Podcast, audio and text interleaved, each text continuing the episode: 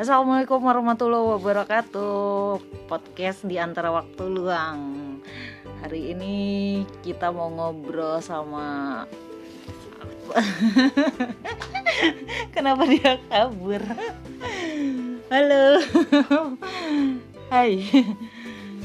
Sama seorang teman uh, yang baru saja pulang semed semedi semedi. Pulang bersemedi di Yogyakarta sana. Hai sapa dulu dong. Gak usah kenalan Gak usah anonim. kenal. Oh anonim. Tapi nanti aku akan tetap sebutin. Gak boleh. Aku mau dirahasiakan. Oke ini eh, rahasia ya misterius. oke. Eh, jadi kamu nggak mau dikenal sebagai se- kamu- kita harus menyebut seorang apa dong? Seorang seorang gadis. Ricky. Ricky. Oh apa lagi? Ricky old eh eh, Labil. Labil oke. Itu sangat menjawab ya. Kalau Udah. keceplosan nggak apa-apa ya? Iya gak apa-apa. Kenapa kamu bilang kamu freaky?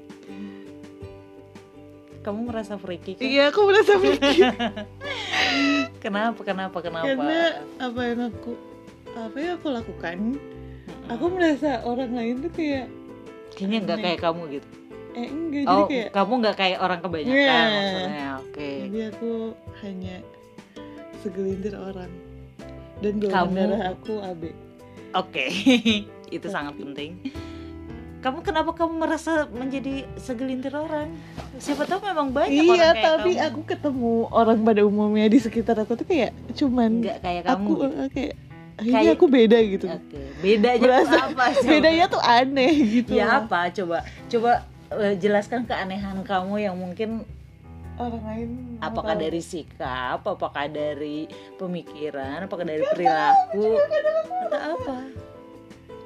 apa ya kayak Kamu kan masih muda nih ya. Usia kamu berapa? dua sekian 25 ada? enggak Kamu kayak baru mau dua empat eh, baru mau 24. Ini belum masuk quarter krisis quarter belum. life itu ya, belum ya. dan aku merasakan kamu udah krisis. sekarang merasakan krisis Oke, kamu dewasa sebelum waktunya mungkin ya. iya bagus lah kalau gitu Oke, bagus lah.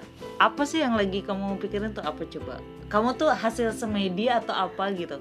kalau masalah freaky sebenarnya dari zaman kuliah Hmm, aku sering dibilang freaky Oke. kayak kadang-kadang aku melakukan hal random yang orang-orang nggak biasa lakukan Hmm, kayak gak tahu pikiran aku sama sikap aku juga hmm. pertama mungkin sikap dari sikap aku kadang orang-orang sih bilang kayak bocah terus kayak Hmm. tiba-tiba random banget gak mau kuliah gara-gara pengen nonton SpongeBob terus itu mah gak freaky deh kayaknya. Itu mah bocah. ajaib.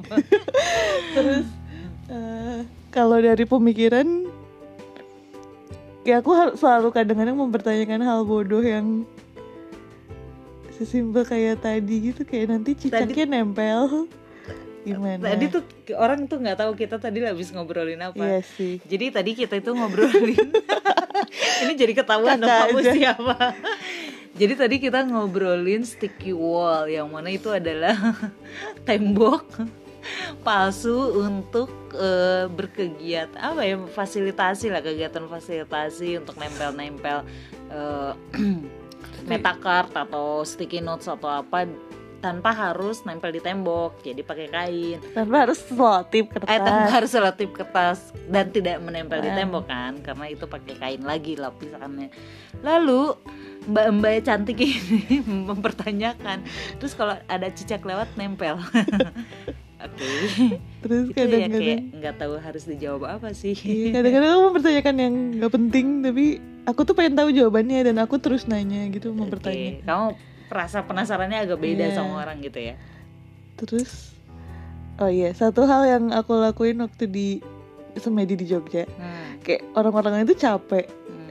karena habis keliling aku tuh gak mau berhenti gitu kayak aku pengen terus Terus- terus- beraktivitas aku antusias akan hal yang orang lain gak antusias gitu Hmm, kayak aku tertarik eh, kita tuh lagi tur kebun hmm, hmm. dikasih tahu kayak ini makanan eh jadi kayak ini adalah tumbuhan yang bisa dimakan ini Hmm. adalah Terus tumbuhan kamu yang bisa dimasak semua enggak jadi aku tuh kayak karena aku bukan tipikal yang suka masak jadi kayak eh aku lebih memilih belok aku ngelihat ada volunteer Hmm. yang lagi nyangkul tanah Mm-mm. terus ngedorong pakai apa sih gerobak tanah gitu Hmm. terus aku aku malah belok ke situ terus aku bantuin dorong gerobak sampai dari atas ke bawah tuh aku dorong sendiri Hmm. tapi dijagain sih karena takut tumpah Hmm. karena aku bawanya oleng-oleng terus orang lain belok ke kebun aku belok ngambil Ke mana? tanah gitu dan itu aku lakukan dua kali iritasi terus dua kali bolak balik Oke.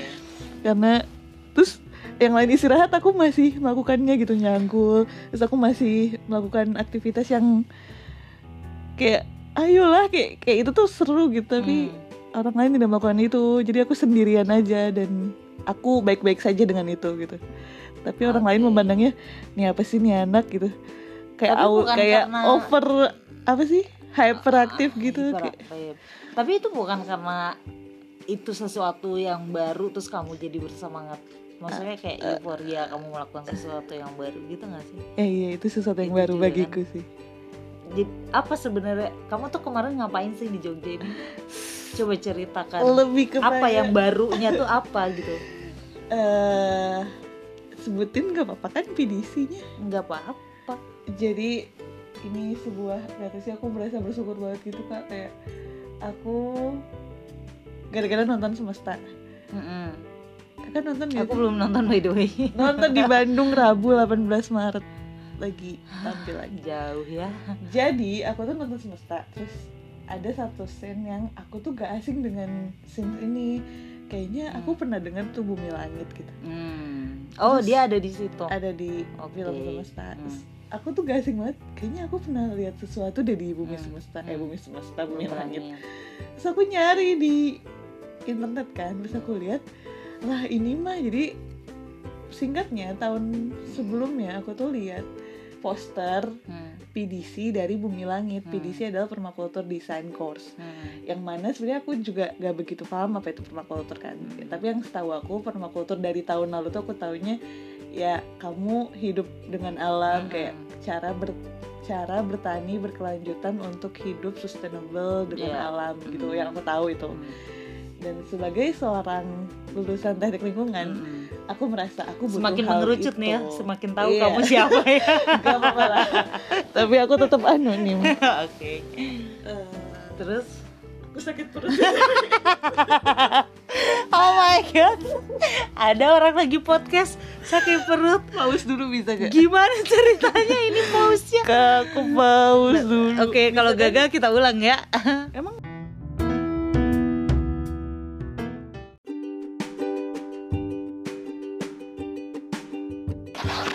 oke balik lagi. Ada Setelah iklan. Ada iklan udah macam acara TV kita. Tadi nyampe mana? Nyampe sebagai anak lulusan teknik lingkungan. Iya iya sebagai anak teknik lingkungan. Ya ya intinya di tahun lalu tuh kayak aku jadi tahu oh aku pengen ikutan itu terus. Hmm, tapi dipikir-pikir waktu itu masih belum terkumpul uang yang cukup. Mm, mm. karena mahal. Karena mah aku masih belum mapan. Mm, mm. meski sekarang juga belum sih. Mengandalkan eh belas kasihan. belas kasihan kantor. Jadi aku memanfaatkannya di tahun ini. Terus alhasil ya bersyukur banget juga pas banget pas aku buka Instagramnya jadi terus kayak lagi buka tuh lowongan PDC untuk peserta. Ya udah aku langsung tangkap momen itu dan aku langsung kayak berusaha untuk mencari sponsor. Hmm, yang akhirnya disponsori yang oleh akhirnya kantor. disponsori oleh kantor. Bersyukurlah terima kasih kamu banyak ya. kantor kantor apa ya.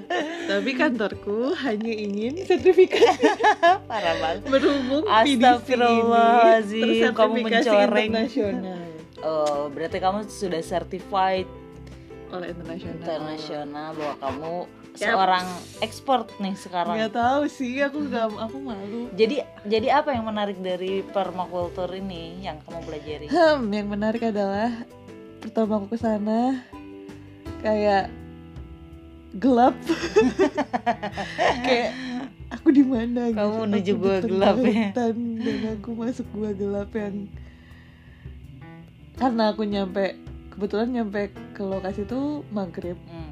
terus kondisinya agak menyeramkan Hmm. karena itu tempat baru bagiku kan dan aku nggak lihat ke sekeliling ada apa jadi aku Dan hanya itu lihat kebun-kebun. hutan. padahal itu kebun Hmm. dan ada hutannya Hmm. sih terus alhasil eh nah di ya udah singkat aja langsung ke hari pertama kelas Hmm. hari pertama kelas kita di diarahin dulu tentang permakultur Hmm. lebih ke ternyata permakultur itu nggak sekedar hidup eh, berkesinambungan dengan alam tapi Hmm. juga gimana sebuah landscape sebuah lahan yang fungsional untuk kita Hmm. hidup gitu dan yang aku kagumi adalah foundernya Pak Iskandar sangat apa ya sang eh, sangat menghubungkan alam dan agama Islam Hmm. Eh, beliau hidup dengan ajaran-ajaran Islam Hmm. di bumi langit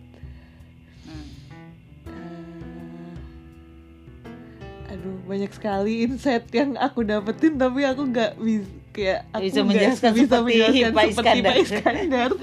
Tapi itu sangat nempel aja gitu di kepala aku cuman aku susah. Intinya beliau sebenarnya membuka pemahaman Hmm. kamu bahwa Islam dan lingkungan dan alam itu Relate sebenarnya relate banget kan Iya. saling terkait gitu Hmm. kan, bukan hal yang terpisah. ya betul dan Tapi apa yang paling mempengaruhi kamu ketika kamu ikut permakultur itu tuh apa?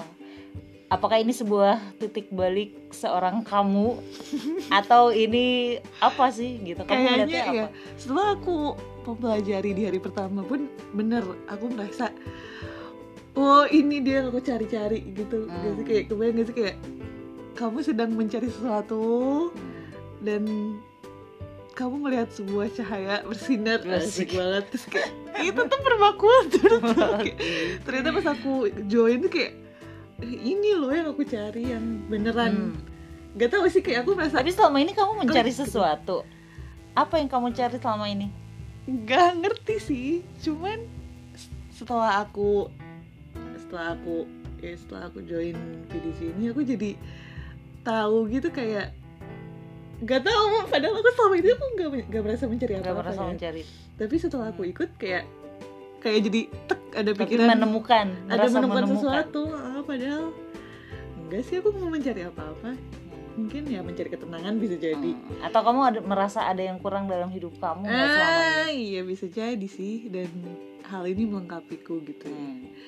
terus ya dan ya aku paling aku inget juga tentang eh, Kamu ingat bete- atau kamu nyontek? aku nyontek aku inget dan aku nyontek aku jadi inget karena aku nyontek Oke. jadi bapak itu di kelas pertama tuh bahas kalau eh konsep permakultur ini sesuatu hal yang beretika di mana manusia tuh punya ke- punya kemampuan eh, untuk menggarap bumi. Dalam menanam kebaikan Hmm. dalam arti eh, hal ini tuh bisa luas konteksnya Hmm. bisa jadi ya kamu dengan apa menggarap bumi itu kamu mendapat memperoleh manfaatnya tapi kamu juga menjaga bumi Hmm. jadi kayak hubungan timbal balik antara Hmm. keduanya pun ini relate sama pekerjaan aku yang sekarang tentang sampah Oke. jadi Kayak bapaknya, semakin mengerucut ya saudara-saudara ya. bapaknya bilang kalau ternyata sampah tuh merupakan jelmaan dari iblis Hmm. karena sampah merupakan sesuatu kesia-siaan kan Hmm. kayak Terbuang nggak begitu saja. ya, jadi kayak itu tuh adalah wujud dari setan di bumi Hmm. dan aku merasa gila sih bener banget Hmm. kayak ya zaman sekarang udah zaman ya kita tahu sendiri Hmm. konsum konsumtif manusia sekarang tuh udah tidak lagi peduli sama lingkungannya dan Hmm. ya, Tapi kan sekarang banyak orang yang bilang peduli sama lingkungan. iya bisa dikatakan seperti itu cuman yang bener-bener memahami konsep yang sebenarnya Hmm. tuh menurutku dikit sih Ya. dan Oke. dalam arti orang-orang ini adalah orang-orang permakultur sih Hmm. aku kayak mereka tuh sangat sejalan banget hidup hidupnya dengan apa yang dia katakan kadang aku jadi orang yang kayak apa ya sebutannya nggak sejalan kamu aku merasa ya aku melakukan kebaikan gitu aku melakukan aku menjaga lingkungan Hmm. dengan cara aku kerja di tempat yang Hmm. menjaga lingkungan tapi di sisi lain aku kadang juga melakukan sesuatu yang emang berdampak buruk hmm, kontradiktif kontradiktif. gitu lah terus kayak wah gak bisa kayak gini Hmm. gitu setelah aku mempelajari permaculture dan dikasih tahu di kelas kayak ya gak boleh setengah-setengah gitu Hmm. bukan dalam arti gimana ya kayak kalau kamu mau bener-bener tuh jangan setengah-setengah lah Hmm. intinya dan di sini aku mendapatkan banyak petuah Hmm. Ah, saking banyaknya aku gak tahu mau ngomong apa lagi intinya oh ya aku juga dikasih tahu eh mirisnya kan sampah tuh adalah wujud iblis di bumi Hmm. Tapi mirisnya tuh kenapa kita semua tuh nggak sadar dan nggak takut akan hal itu Hmm. padahal sampah sekarang udah merajalela di mana-mana Iya, benar, menjadi benar, isu benar. yang sangat urgent sebenarnya urgent tapi nggak jadi prioritas nggak jadi prioritas ya pun benar. bagi pemerintah dan ataupun kita masih dianggapnya ya udah sih gitu ya udah sih sampah, buang sampah aja doang gitu. tinggal dibuang padahal itu ngaruh ke bumi yang bumi bumi itu sebenarnya bisa jadi sedih menerima Hmm. sampah jelmaan-jelmaan setan itu. Apa yang kamu rasakan selama berapa hari di sana? 14 hari. 14 hari ya dua minggu ya. Hmm. apa yang kamu rasakan selama dua minggu mempelajari permakultur permakultur terus ya banyak ngobrol dengan orang-orang yang mungkin sudah melakukan jalan hidup yang tidak setengah-setengah seperti kita enggak sih aku masih oh, oh galau banget pas aku di sana tuh kayak berpikir sangat keras apa yang harus aku lakukan setelah ini Hmm. karena Pak Is bilang niat tuh gak cukup jadi kayak Hmm. kalau kita berniat ah udah aku gak akan melakukan ini lagi Hmm. niat sebenarnya kan kalau kata Allah ya niat baik tuh udah dicatat, dicatat gitu. setengahnya tapi padahal untuk dapat ridho Allah kamu tuh harus diimbangi dengan cara yang baik juga maksudnya Hmm. gak cuma niat tapi, Tapi beneran melakukan dilaku- gitu. beneran Hmm. dilakuin sesimpel kamu kamu adalah asupan kamu Oke, kamu apa yang kamu apa yang kamu makan ya oke sesimpel itu jadi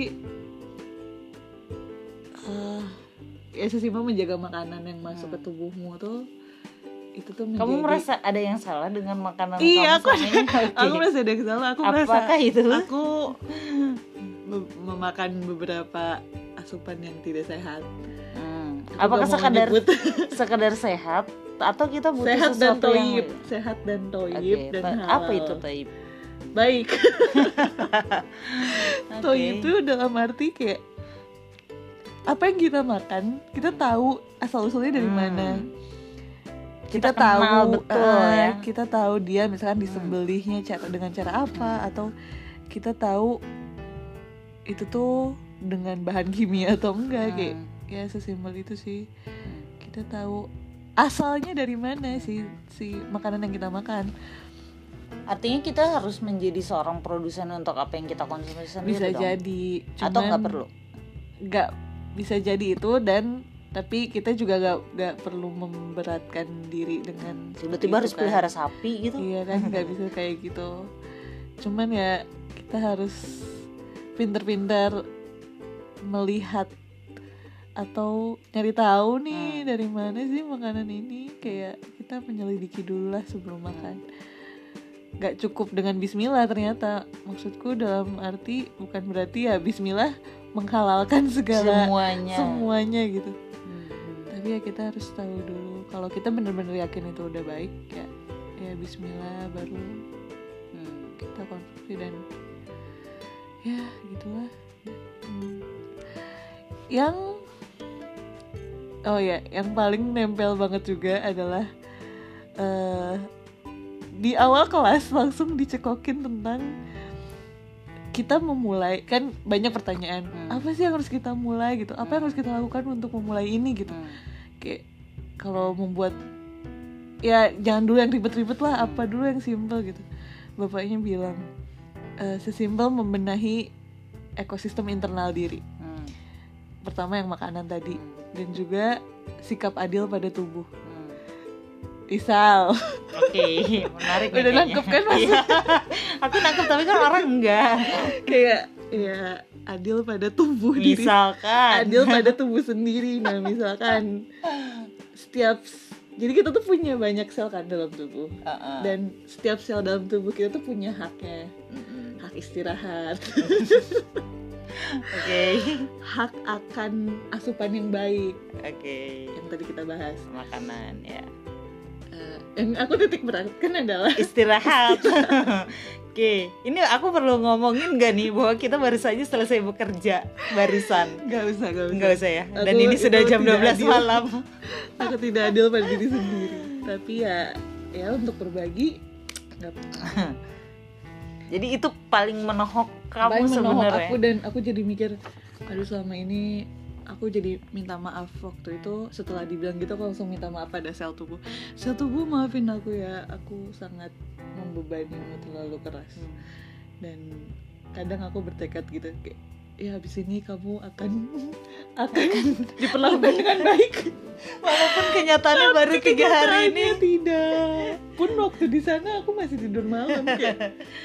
Ya. Dan masih bekerja juga bekerja. karena kita masih dikejar pekerjaan. Ya mau gimana lagi? Emang dilema. Terus ya udah sih. Terus kayak eh, di tengah jalan aku menemukan guruku. Eh iya guru di kelas. Terus kita sedikit ngobrol konsultasi terkait hal terkait pekerjaan yang kita lakukan. Hmm. katanya ada empat hal yang harus kita perhatikan saat Oke. melakukan sesuatu. Hmm, apa itu? Yang pertama pemikiran saat kamu melakukan sesuatu eh, harapannya pemikiran kamu tuh nggak terkekang imajinasi kamu tuh nggak ter Hmm. nggak tertahan eh, Jadi kita bebas, ya bebas berkreasi. berkreasi itu yang pertama yang kedua kesehatan Hmm. Eh, kesehatan kamu baik-baik saja malah lebih baik Hmm. saat melakukan hal itu Oke. Eh, tidak terganggu lah Hmm. Nggak migrain tiap hari. migrain. yang ketiga tuh jiwa Oke. jiwa kamu tuh nyaman damai tentram itu dalam arti mental health Hmm. psikologis Hmm. apa sih ini dan yang keempat adalah bumi kamu jadi bumi kamu tuh makin membaik Hmm. eh, terawat aman Hmm. eh, saat kamu melakukan hal yang sedang kamu lakukan Hmm. dalam arti ini pekerjaan mungkin batuk dulu Eh, dengan po- dengan empat poin utama ini eh, kalau terpenuhi itu Sempurna. sempurna dan itu bisa membuat kamu apa ya bahasa kerennya sih bahagia gitu Hmm. yang apa ya sebutan lebih ke Apa? Hidup beneran gitu kamu tuh menjala- Hidup menjalani kehidupan nih. gitu nah itu tuh kehidupan yang sebenarnya gitu Ini agak berbeda dengan ini ya. Apa sih yang suka dibahas sama orang itu? orang itu. Apa sih yang kayak kamu secara idealisme Ah, terpenuhi tapi juga kamu dibayar Hmm. yang itu tapi kalau empat poin ini tuh sebenarnya yang dikatakan sama guru di kelas kamu tuh nggak ngomongin finansial dong. Enggak semuanya itu Iya. tentang diri, Diri dan, dan- lingkungan. Ya betul. Dan aku merasa iya sih kalau kita misalkan ah, kalau kita kalau kita sehat kalau kita pemikirannya tidak terga- terganggu kalau kamu jiwanya stabil Hmm. kalau bumi kamu terawat apa yang kamu cemaskan gitu loh kayak apalagi yang kamu khawatirkan. Hmm. kayak kamu nggak perlu uang untuk ke rumah sakit karena kamu sehat jasmani tapi rohani kan kamu perlu uang untuk beli tas branded untuk beli skincare nah mungkin itu untuk beli untuk jalan-jalan. Iya itu relate sama mungkin jiwa dan pemikiran. Saat pemikiran kita kayak ini gak sih kayak eh eh, pemikiran kita tuh nggak terganggu apa kata orang Hmm. kayak apa aduh aku mau ngomong apa ya jadi lupa kayak kayak saat empat itu terkoneksi dengan baik Hmm. kamu nggak butuh yang lain kamu tuh nggak butuh yang lain nggak butuh yang sifatnya tapi duniawi duniawi kebutuhan tersier Iya. dan sekunder dan tersier tuh nggak terlalu Iya. Bayangan besar lah ya, mungkin. gitu.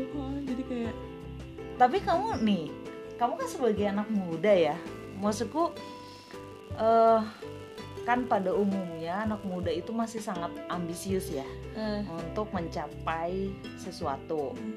Nah, kamu sendiri apakah kamu sebelum ini ya, sebelum kamu semedi di Jogja itu, sebelum kamu eh, belajar permakultur ini, apakah kamu termasuk orang yang ambisius, punya banyak keinginan, atau kamu juga memang sebenarnya nggak terlalu seperti itu? Karena aku ngelihatnya sebagai orang yang kenal kamu, aku ngelihatnya sebelumnya adalah kamu suka sekali bekerja.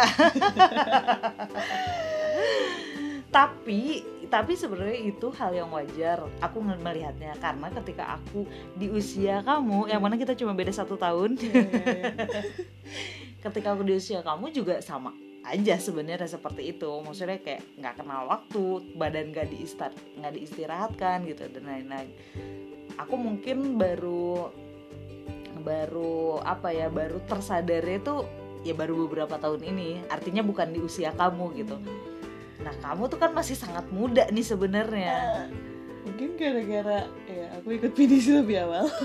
Iya. Kalau aku gak ikut pinisi tapi kayaknya- sebelumnya kamu ya oh ya orang seperti apa? Sebelumnya. Aku tuh tipikal orang yang labil yang tadi aku Hmm. bilang. Kayak kadang-kadang saat aku moodnya baik Hmm. saat aku emang beneran energi pol gitu. Hmm. kayak aku merasa kerja yang non stop tuh aku nggak masalah. Baik-baik aja. Baik-baik aja dan ya jujur kadang-kadang aku suka bekerja Hmm, yang mana aku nggak suka kadang-kadang aku nggak suka gabut kayak hmm, aku harus produktif. Hmm. nggak setiap hari sih. Cuman ya diusahakan. Aku tahu itu ajaran siapa. Cuman ya diusahakan aku harus produktif Hmm, terus gitu biar ya harap aku sih impianku aku bisa jadi orang bermanfaat Hmm. bagi siapa pun bagi alam Hmm. manusia dan makhluk hidup lainnya nah aduh eh eh, ngomong apa sih ngomongin apa sih? ketika kamu ikut permakultur Oh. kamu merasa nih wah ini ada yang salah nih gitu Iya. Tapi kadang juga nih karena aku labil tadi, Hmm. kan aku kadang-kadang kalau energi bagus, kalau moodnya bagus aku bekerja itu ya udah gitu Hmm. tanpa pamrih yang Hmm, lembur juga oke gak apa-apa kayak kerja 24 jam lebih juga gak apa-apa gitu. Tapi kadang di satu sisi di mana mungkin saat pekerjaan numpuk, saat saat lagi banyak pikiran ngedown itu nah aku di titik di mana ada yang salah nih Hmm. kayak kenapa aku harus bekerja seperti ini hmm.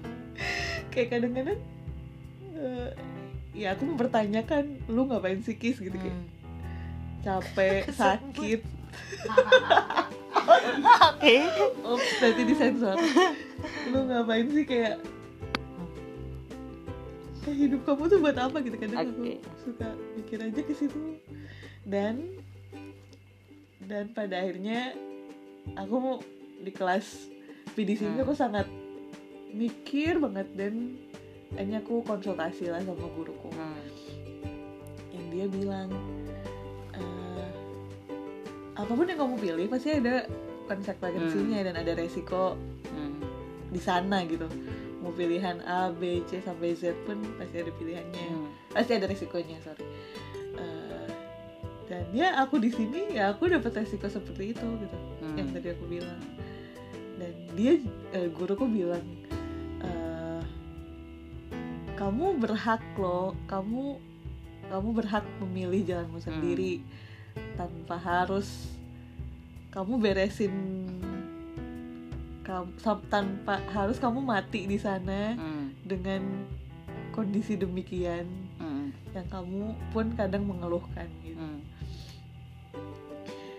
Eh, dan guruku dia nggak dia nggak nyuruh aku melakukan apa pun Hmm. dia eh dia nggak nyuruh aku condong ke satu sisi gitu Hmm. untuk misalkan ekstrimnya Memilih untuk jalan iya, lain memilih gitu. jalan lain lah kasarnya dari apa yang sedang dilakukan saat Ya. ini guruku nggak menjalankan itu cuman guruku hanya hanya bilang eh, adil lah pada tubuhmu sendiri Hmm. ya. kamu tahu apa yang benar kamu tahu apa yang kamu tahu mana yang tidak baik gitu Hmm. kayak kayak apa sih eh, guruku cerita juga kalau dia pernah mengalami hal yang sama Hmm. Dia berada- yang iya. sama dia pernah berada di titik yang sama di mana dia galau untuk melakukan sesuatu Hmm. saat itu juga otak kamu tuh terstimulus untuk menyebutkan perkataan-perkataan yang terus berulang setiap kalinya sampai kamu hafal dan menghafalkan itu Hmm. kayak misalkan kamu ngapain sih kis Kau- eh kamu ngapain sih kamu ngapain sih kamu ngapain sih kayak itu tuh terus berulang di Hmm. otak sampai sampai terus Hmm. sampai nggak ada habisnya dan Hmm. guruku pernah ngalamin itu juga dan setelah dia melakukan oke aku tidak bisa kayak gini Hmm. aku keluar dari jalan ini Hmm. dan dia mencari jalan lain untuk menemukan kehidupan yang sebenarnya Hmm. bagi dia gitu. Setelah itu pikiran itu hilang, perkataan dia merasa perkataan, damai. dan dia merasa damai habis itu. dan kamu merasa sekarang kamu harus mencari jalan lain Hmm, kah Nah itu yang aku lagi pertanyakan juga Hmm. sekarang sebenarnya masih aku masih banyak Hmm. harus berkontemplasi, harus Hmm. harus berdiskusi. Ya aku belum sepenuhnya memutuskan, tapi, tapi tapi apa yang kamu rasakan saat ini oh saat ini Hmm. Saat ini ya setelah kamu tahu hal itu setelah kamu menyadari yang aku rasain lebih ke aku udah punya gambaran apa yang harus aku lakukan hmm. kayak aku gak tahu juga sih ini bakal dilakukan atau enggak tapi aku punya rencana Hmm. yang mana eh, apa ya aku masih merencanakan kayak aku masih mengumpulkan tekad dan mempersiapkan sesuatu. Kalau kalau misalkan aku memilih, jalan lain yang lain. pun aku juga harus memikirkan lagi memikirkan juga kalau aku gak berpindah ke jalan lain apa yang harus aku lakukan agar supaya kamu berdamai ya juga supaya aku bisa berdamai dan merasakan hidup yang sebenarnya. Iya iya iya. Kayak ah, ya udah sih dan ya dan aku seneng baru aku akhirnya ketemu Kak Guli. Yang ternyata gak tau sih kayak susah banget nemu orang kayak Kak Guli yang sangat mendukung. Aku udah cerita. Mendukung hal ini. Maksudnya dalam arti mendukung yang se ya mendukung hal ini. Apa ya perubahan. Hmm. mendukung perubahan dan apa sih tadi kita ngomongin apa? Apa ya? Ya pemikiran Ya, pemikiran pemikiran pemikiran pemikiran itu ya, ini. sejalan gitu dalam arti sejalan Iya, yang iya, iya. mana jarang gitu orang yang nemu eh jarang aku nemu orang kayak gitu kayak aku cerita sedikit aja tentang hal ini ke Hmm. beberapa orang beberapa orang itu langsung mengunderestimate dan Hmm. kayak ah ini nggak akan Alah, lama iya, lah kayak- ini wacana aja ah pasti ini mah antusias semata di Iya. awal kayak euforia sesaat Euforia. gitu, gitu kayak Iya. dan Tap- ah pasti bentar lagi juga kapitalis lagi itu yang membuat Eh, aku makin iya. marah tapi ini sih ya maksudnya aku sih ngerasa kayak meskipun ya meskipun katakanlah ini ternyata memang euforia sesaat sesaat setelah kamu mengikuti Ah, latihan itu jadi. gitu ya tapi kalau aku secara pribadi melihat kayak meskipun ini sesaat dan meskipun ini hanya euforia ini tuh sesuatu yang patut didukung. Karena Hmm. apa? Karena menurutku ini hal yang baik. Pertama ini hal yang baik ya untuk berbagai alasan. Untuk diri sendiri maupun lingkungan lah ya. Dan melihat kondisi dunia yang saat ini gitu kan. yang lagi yang sedang aman seperti inilah. Eh, dan untuk usia semuda kamu itu menurutku hal yang patut diacungi jempol dan patut aku dapet jempol didukung gitu terlepas nanti gini kan kita harus tahu ya maksudnya untuk menempuh hal-hal yang berbeda jalan yang berbeda itu pasti tantangannya akan sangat Hmm. berbeda dan mungkin lebih besar daripada jalan umum Hmm. yang kebanyakan orang lalui gitu meskipun aku nggak bilang kalau jalan yang umum tuh nggak ada tantangannya. Nggak juga banyak juga gitu. Tapi Iya. akan berbeda levelnya. Mungkin eh, orang kan selalu sering bilang ya aku pernah dibilangin tahun 2012 sama Dik doang ya itu salah satu idola aku. Dia bilang sih ya ketika menempuh jalan yang sunyi pasti akan berat Iya. pasti akan sedih akan sendirian nggak ada temennya nggak ada yang bantuin tapi di situlah Tuhan kita berada gitu. Tuhan akan lebih terlihat di situ karena kita juga pandangannya akan jadi lebih jernih karena tidak ada keramaian di situ. Itu aja sih yang yang perlu jadi pegangan gitu. Karena ya itu tadi apalagi di usia yang sangat muda pasti ketika tantangan itu jauh lebih besar mungkin akan menggoyahkan gitu.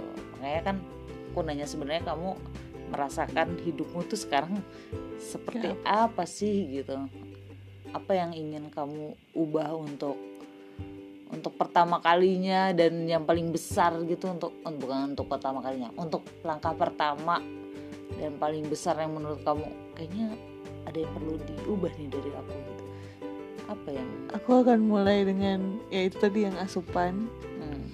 Makanya aku wacananya tadi sih, makan apa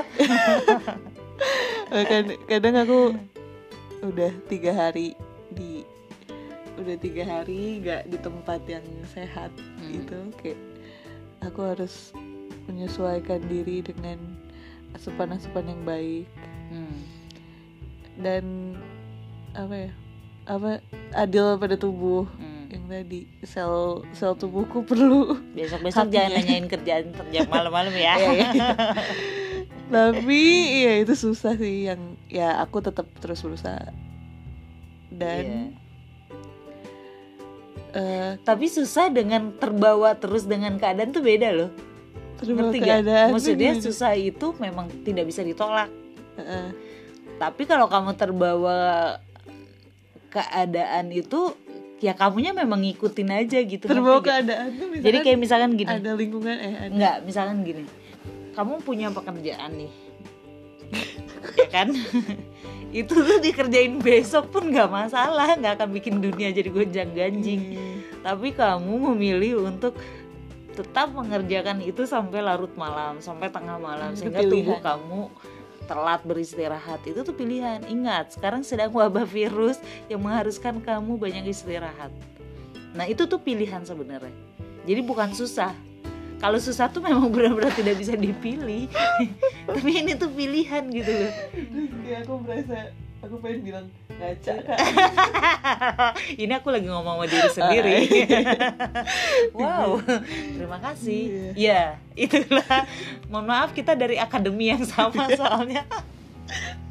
Tengah malam masih suruh bekerja. Aduh gimana ya? Iya, Tapi sama aku pun sering kali ngerasa kayak kamu gitu. Ketika aku beristirahat agak panjang, aku tuh sering ngerasa bersalah. Nge. Aku tidak produktif sekali ya gitu. Walaupun aku pernah dikasih tahu siapa ya. Produktif itu kan tidak harus selalu melakukan pekerjaan Hmm. gitu loh. Produktif itu bisa sangat banyak hal yang lain. Kamu produktif untuk menyegarkan diri kamu, Hmm. menyegarkan jiwa kamu, menyegarkan pikiran dan lain sebagainya itu pun produktif gitu. Yes. Kayak misalnya kamu menanam, ya itu produktif juga Iya. kok gitu. Iya benar kamu misalkan membuat tulisan untuk merefresh gitu, Ya. itu produktif Ya, juga. betul. kamu banyak hal lah. Tapi kita kan selalu konteksnya adalah bekerja. Menyelesaikan pekerjaan-pekerjaan kantor yang mana sebenarnya besok pun nggak apa-apa. Ya bos ya. Gitu. Jadi kadang kitanya aja sih. Sebenarnya itu pilihan sih. Eh apa ya selama itu bukan sesuatu yang sangat mendesak itu sebenarnya masih bisa besok Hmm, gitu ada. makanya aku selalu berpikir kamu tuh kayaknya suka kerja sih Tapi- ya aku lagi ngaca iya. juga tenang saja tapi kadang-kadang produktif yang aku maksud ya bisa jadi kerjaan dan juga kadang aku memilih ya dibanding selonjoran yang Hmm. rebahan yang buka IG panjang gitu-gitu aku lebih memilih kayak beres-beres nah merapikan aku lebih suka itu sih iya itu lebih baik lah Ah, dan iya aku aku juga nggak mau dibilang aku gila kerja tapi kadang-kadang aku melakukan hal lain yang emang Iya. kadang sesimpel aku rapiin baju Kamar, tuh kayak hmm. rada produktif lah Iya ya. kayak enak aja ke tubuh dan apalagi diimbangi dengan kamu nanam, kamu Hmm. produksi bahan sayuran dan makanan untuk Iya. supply dirimu sendiri. eh tapi ngomongin si permakultur itu sebenarnya itu bukan hanya soal menanam dong ya Iya, bukan ya kan tapi itu lebih iya. ke apa lebih dari itu ya ya lebih dari itu dan belajar akhlak sih, perbaikan Hmm. akhlak di sana. karena dia memadukan dengan Iya, kamu- prinsip-prinsip bagaimana Islam. kamu memperlakukan makhluk hidup yang lain Hmm, di sekitar kamu yang hidup eh, dan menjaganya. hmm. Iya. gantung ya Ganteng banget ya.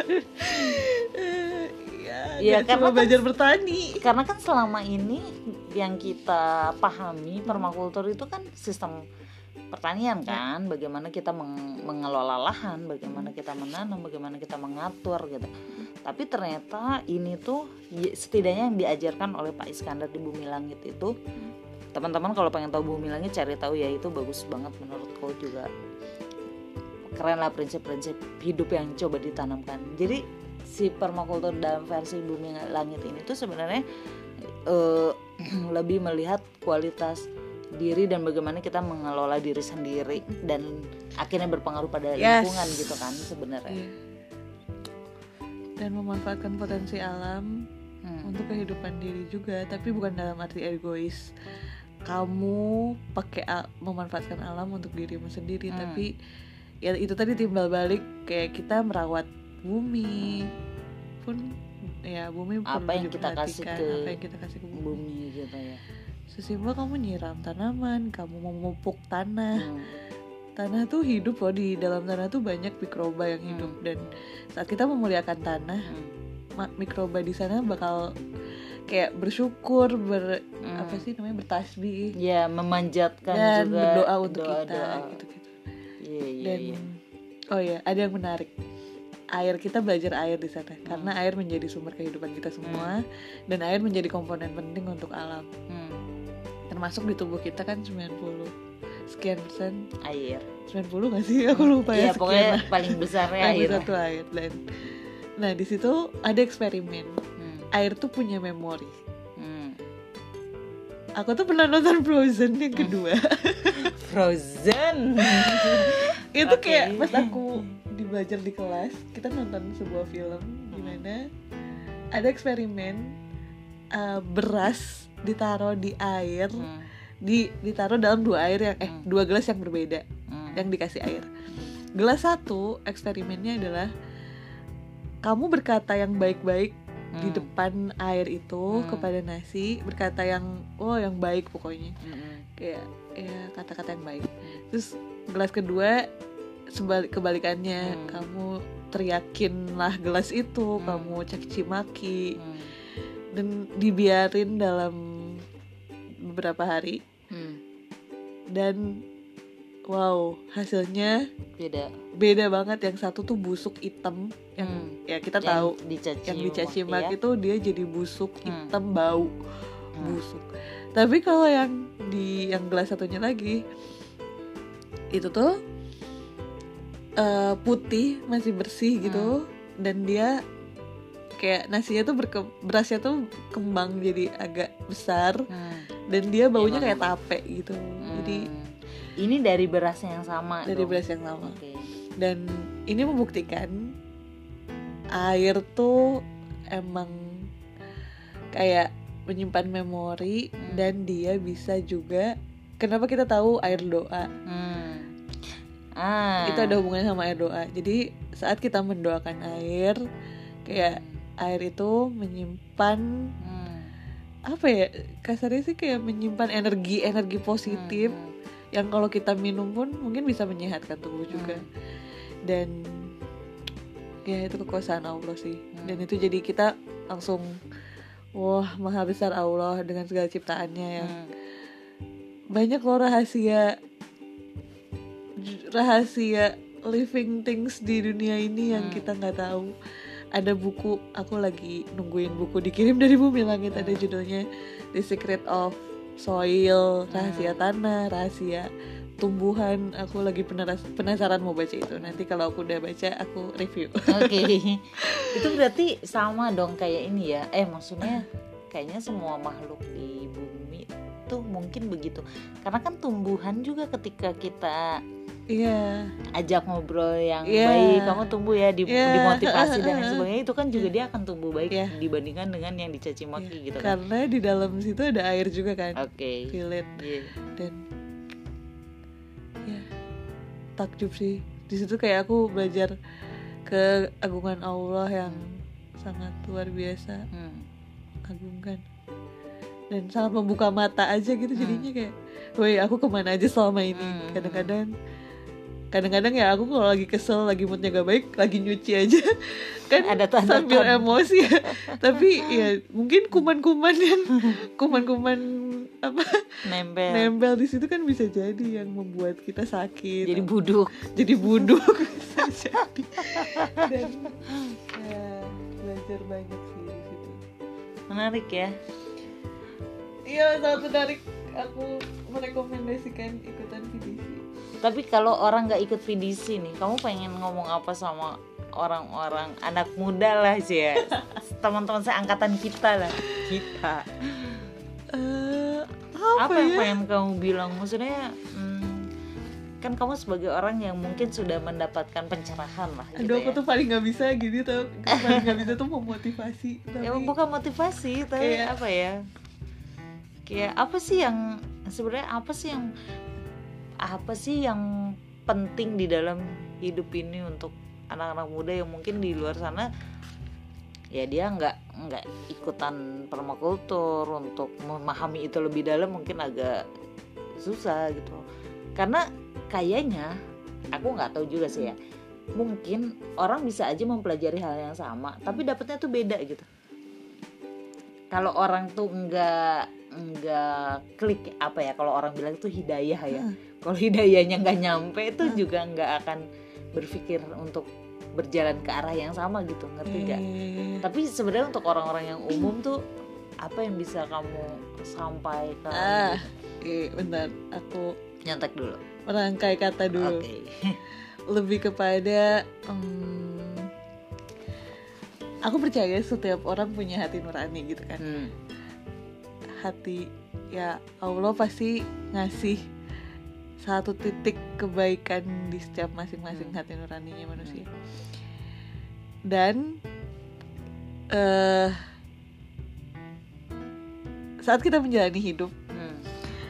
aduh aku takut gongnya jelek udah deg-degan nih aku ya udah lah ya kalau jelek pun gak apa nah kayak eh dunia yang kamu jalanin kehidupannya tuh balik lagi ke dirimu kan Hmm. bagaimana kamu memilih Hmm. jalan dan eh, belok ke arah mana gitu Hmm. dan sebenarnya Allah tuh sudah tahu manusia di dunia ini bisa jadi sebaik-baiknya makhluk atau bahkan sebaliknya Hmm.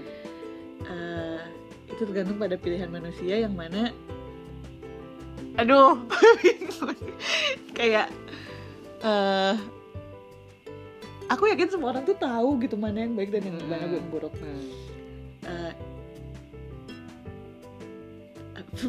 dan itu balik lagi bagaimana kita mau jadi orang yang ignorance Hmm. atau orang yang peduli gitu. peduli gitu kayak kalau ignorant kan kayak ya aku tahu sam Tapi ya plastik tuh.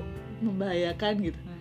tapi ya udahlah kan cuman eh, kan aku ngelola itu dengan baik kayak Hmm. kan aku eh, aku kerja di tempat pengolahan sampah Hmm. yang bertanggung jawab tapi di sisi lain aku juga melakukan sesuatu aku juga melakukan sesuatu yang ah nggak sesuai Ini gitu bertolak belakang bertolak belakang kadang-kadang kan jujur saja kemarin-kemarin aku merasa kayak gitu kayak toh aku mengelolanya dengan Hmm.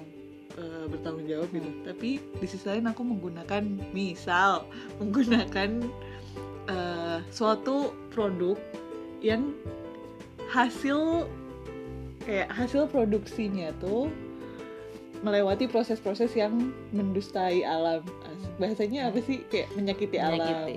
atau ya nggak cuma alam cuma misalnya maksud manusia manusia Misalkan es krim murah yang pabriknya di boykot saat ini. bisa jadi ya itu kan berarti kebanyakan Kamu zolim iya, sebenarnya gitu kamu kan. tuh melakukan hal yang zolim juga Hmm. meski kamu mengolah sampah dengan baik Iya, iya. tapi kamu melakukan hal yang itu loh ada orang yang tersakiti gara-gara Hmm. kamu makan sesuatu gitu Hmm. meski jauh meskipun Rantainya jauh, jauh rantainya cuman kamu terlibat dalam hal itu gitu Hmm. Ya aku kemarin-kemarin merasa jadi orang ignorance dan Hmm. mungkin sampai sekarang aku masih Hmm. cuman aku Untuk sadar akan hal-hal hal itu Iya, iya. dan eh kalau ya ya itu terserah gitu Hmm. baik lagi dan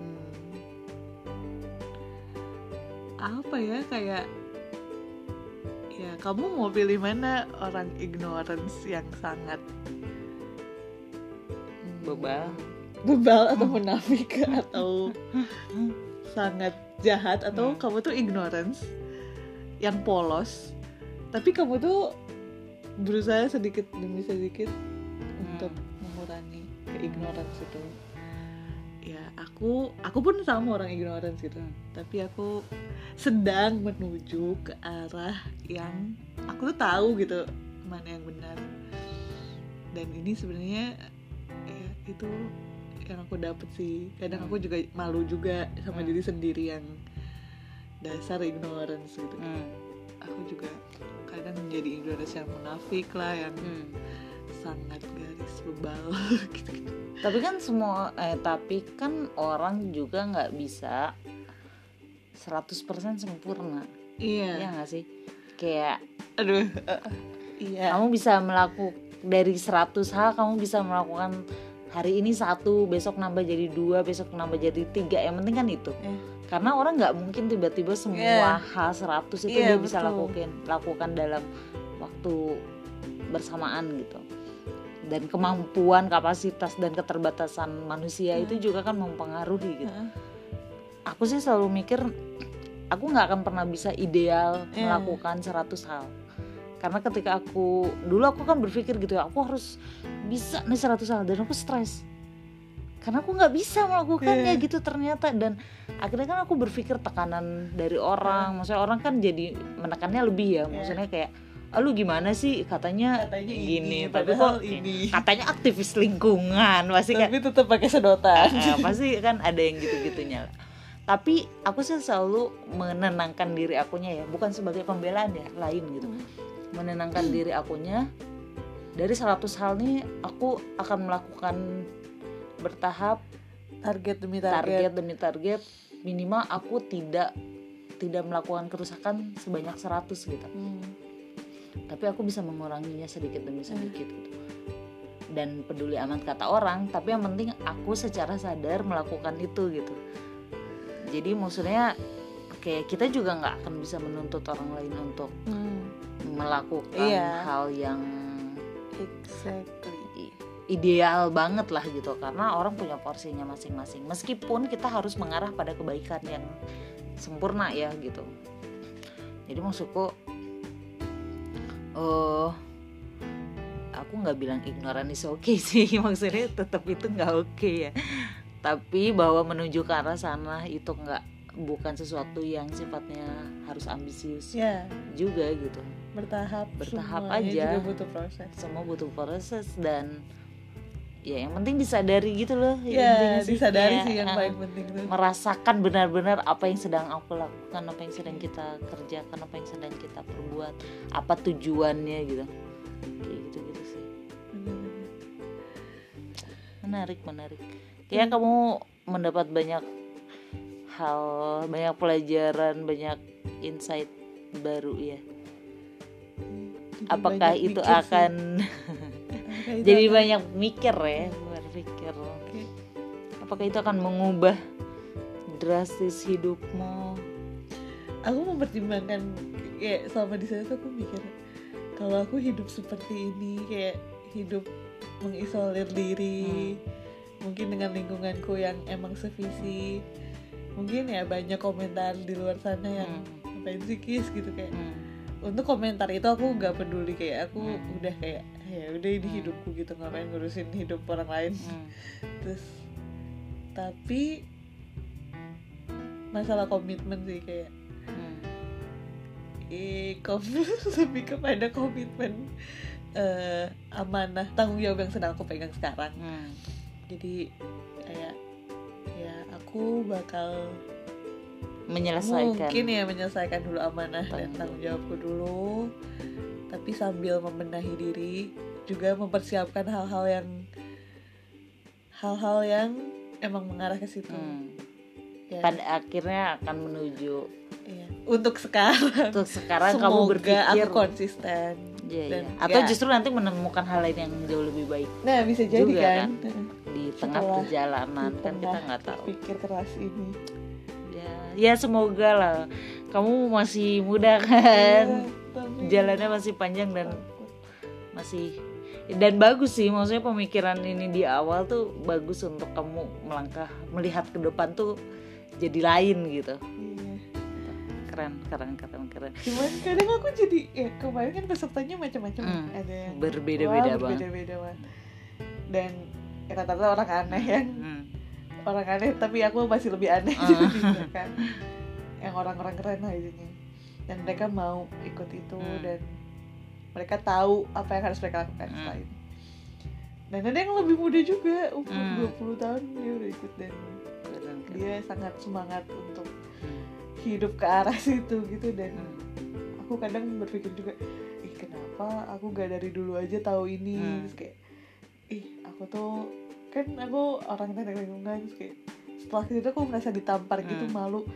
Ngapain sih? Kamu tuh orang TL tapi gak ngerti apa-apa. Hmm. padahal hidup kayak gini tuh orang TL gitu kayak eh, ini loh the real Ini. anak TL tuh eh, gitu. eh, eh. dia gak belajar teori tapi dia tuh mengaplikasikan Iya, gitu. aplikasi. Gila aku merasa malu banget gitu dan tapi aku mikir Allah udah mengasih jalannya Ada masing-masing. momennya ada masing-masing. momennya.